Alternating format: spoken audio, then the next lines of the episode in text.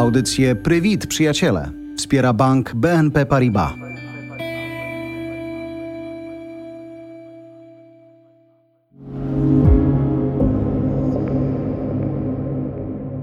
Ze studia Voice House Małanka Junko i Jarosław Kuźniar.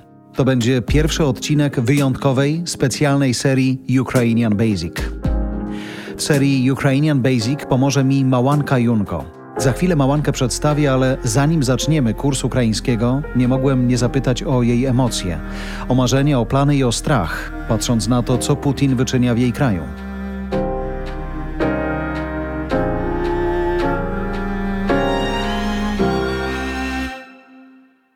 W sumie, Małanko, nigdy dość pytania o to, jak się czujesz, nawet jeżeli patrzę na ciebie i widzę młodą, zdrową Ukrainkę żyjącą w Polsce. Czuję się w porządku, pomimo to, że już od tygodnia zasuwam na najwyższych obrotach i są to już cięższe momenty, w którym e, jednak psychika siada, mm. ale dzięki temu, że po prostu mamy bardzo dużo pracy z tym, co się dzieje obecnie, z pomocą e, naszym znajomym, przyjaciołom, czy chociażby właśnie prowadzeniu naszego kanału na Telegramie, daje się trochę o tym zapomnieć. Psychika siada w jakim sensie? E, zaczynasz się zastanawiać nad tym, zaczynają po prostu do ciebie dochodzić różne fakty. To nie jest tylko patrzenie na tą informację, jak na materiał, który trzeba przerobić. Jest to po prostu Wchodzą emocje. Wchodzą emocje, wchodzi przywiązanie do tego kraju, wchodzi to, że widzisz, jaki ogrom ma w ogóle ta katastrofa hmm. i to, co się tam dzieje. Dzisiaj, jak popatrzymy rzeczywiście, bo to też jest taka wojna, którą widać, prawda? Mamy taki czas, stety, niestety, że możemy scrollując Telegram, scrollując Twittera, usłyszeć burmistrza Kijowa, który coś mówi, usłyszeć prezydenta Ukrainy, który coś mówił, zobaczyć, jak wygląda realnie, dosłownie atak rosyjskich śmigłowców na, na, na cywilów. I to się dzieje dosłownie blisko, bo też widzę takie komentarze, niektórych Polaków, którzy mówią, kurczę, jak to blisko. Czyli wojna w Afryce mniej nas boli niż wojna w Ukrainie. Oczywiście, że tak i wydaje mi się, że jest to w ogóle pierwszy przypadek w historii całego świata, gdzie wojna toczy się tak blisko Europy i mamy do niej pełny wgląd. I to taka wojna, wojna, prawda? Tak, i nic się nie schowa. Internet, Telegram, Instagram, wszystko jest na miejscu. Wystarczy kliknięcie, żeby zobaczyć, co się tam po prostu dzieje. Choć tak naprawdę, kiedy mówimy Telegram, myślimy sobie informacja, ale też po drugiej stronie jest dezinformacja. Jak z tym się udaje wam walczyć? Jesteśmy po stronie ukraińskiej walki informacyjnej z Rosją i też w ogóle to był pomysł na założenie tego kanału informacyjnego, na który wpadł mój brat. Chodziło o to, żeby dać osobom polskojęzycznym pełny wgląd w to, co się tam dzieje. My też puszczamy dużo informacji o tym, że na przykład wioją syreny przeciwlotnicze. Jest to też taki zabieg, który ma pokazać, że to nie jest tak, że e, walki trwają gdzieś tam dalej, tylko że cały czas mieszkańcy na przykład Kijowa lub innych miast mają syreny nad sobą, które zresztą ich już denerwują, bo też dostaliśmy taki komentarz od naszego znajomego, że dla nich syreny przeciwlotnicze to jest po prostu już denerwujący dźwięk. A dla nas jest to informacja, że coś się, coś się może już złego totalnie wydarzyć. Końca nie widać. Końca nie widać, niestety. Jak czujesz? Co się może zdarzyć? Wiem, że to jest jedno z najtrudniejszych, choć najprostsze i wydawać by się mogło z boku nawet najgłupsze pytanie, ale sam szukam na nie odpowiedzi, patrząc każdego dnia na, na Putina chociażby, który się pojawia z miną człowieka, który, nie chcę różnych słów używać, ale to jest facet, którego no, strach na niego patrzeć czasem. To prawda, ale jednak dużo mówi się o tym, że jego plan totalnie nie doszedł do mhm. skutku dlatego że ukraińskie wojsko radzi sobie świetnie. Strat jest bardzo dużo po stronie rosyjskiej. Widać, że ukraińska armia była na to przygotowana. Też zresztą jest coraz więcej doniesień o tym, że do tego Legionu Międzynarodowego dołącza też bardzo dużo osób z zagranicy, między innymi w Polsce, co też można zauważyć przy ambasadzie samej Ukrainy. Więc ja jestem pomimo wszystko dość. Wiem, że jakby po stronie ukraińskiej to może naprawdę dobrze zadziałać, ale Nigdy nie wiemy, co zrobi Putin. Wczoraj płonęła zaporowska elektrownia jądrowa, która ma działające, działa w niej sześć bloków energetycznych i gdyby coś tam wybuchło, to byłoby sześć razy gorsze od Czarnobyla.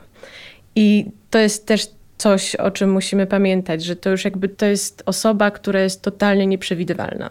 Myślisz, Mamanko, że to jest tak, że on sądząc, że to będzie szybkie, a nie jest, a wiemy, że nie jest gościem, który lubi przegrywać, przesuwa te granice w sposób, o jakim nam się jeszcze nie, nie śniło?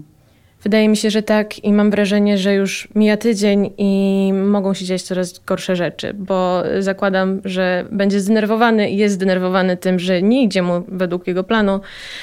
I zastanawia mnie to właśnie jeszcze, jakie mogą uruchomić um, środki Sporo mówi się o tym, jak się pyta o to, jak się ma Ukraina, że morale w armii jest silne. Jest prezydent, który dodaje odwagi, dodaje otuchy, ale myślę też o tych liczbach, które brzmią milion ludzi. I wiemy, że to nie jest ostatni milion ludzi. W tych liczbach, które mówią, połowa z nich jest w Polsce. I zobaczcie, nie ma tu żadnego obozu dla uchodźców, ale wiemy, że to jest tydzień dopiero przy takiej skali. I wiemy, że sporo Twoich rówieśników, kolegów musi czekać na być może wezwanie do armii, że właściwie wszyscy ukraińscy mężczyźni są gotowi do tego, żeby walczyć, a tu do Polski przyjeżdżają kobiety z dziećmi. Myślę o tej kobiecej perspektywie tego wszystkiego. Jak to wygląda? To jest dużo stresu, dużo paniki. Wydaje mi się, że też dużo PTSD.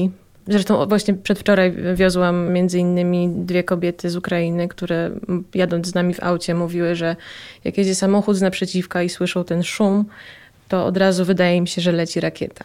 One wyjeżdżające, jakby kobiety wyjeżdżające tutaj z dziećmi lub również mężczyźni, tak? bo to nie jest tak, że też nie ma mężczyzn. Mężczyźni tam powyżej 60 roku życia też również mogą wyjeżdżać oni szukają miejsca schronienia, dlatego że w pewnym momencie kończą się tam sposoby, na jakie mogliby pomóc mhm. tam na miejscu.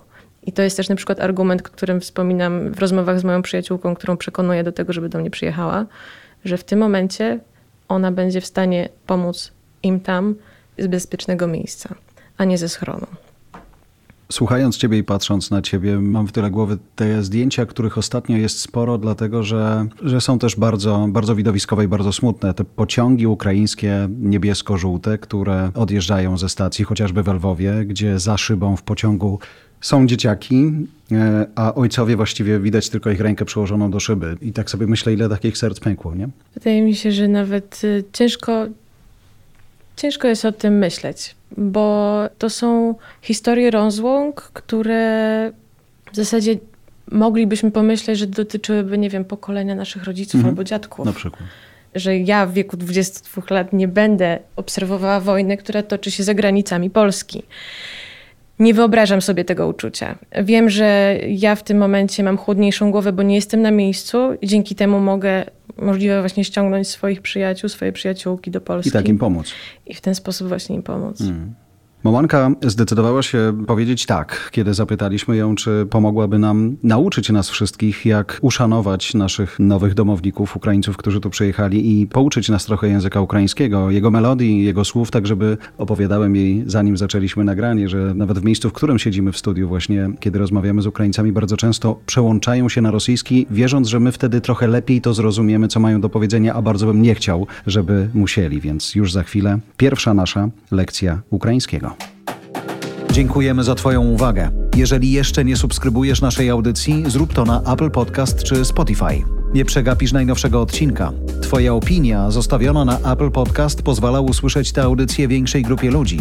Zasubskrybuj także inne podcasty od Voice House. Znajdziesz je na każdej platformie podcastowej i w każdym kanale social mediowym. Zapraszam też na stronę Voice House po więcej dobrej treści. Kierownictwo produkcji Adrian Gronegliszka. Produkcja Dorota Żurkowska. Realizacja Kacper Majdan. Redakcja Agnieszka Szypielewicz i Olga Michałowska. Dźwięk Kamil Sołdacki.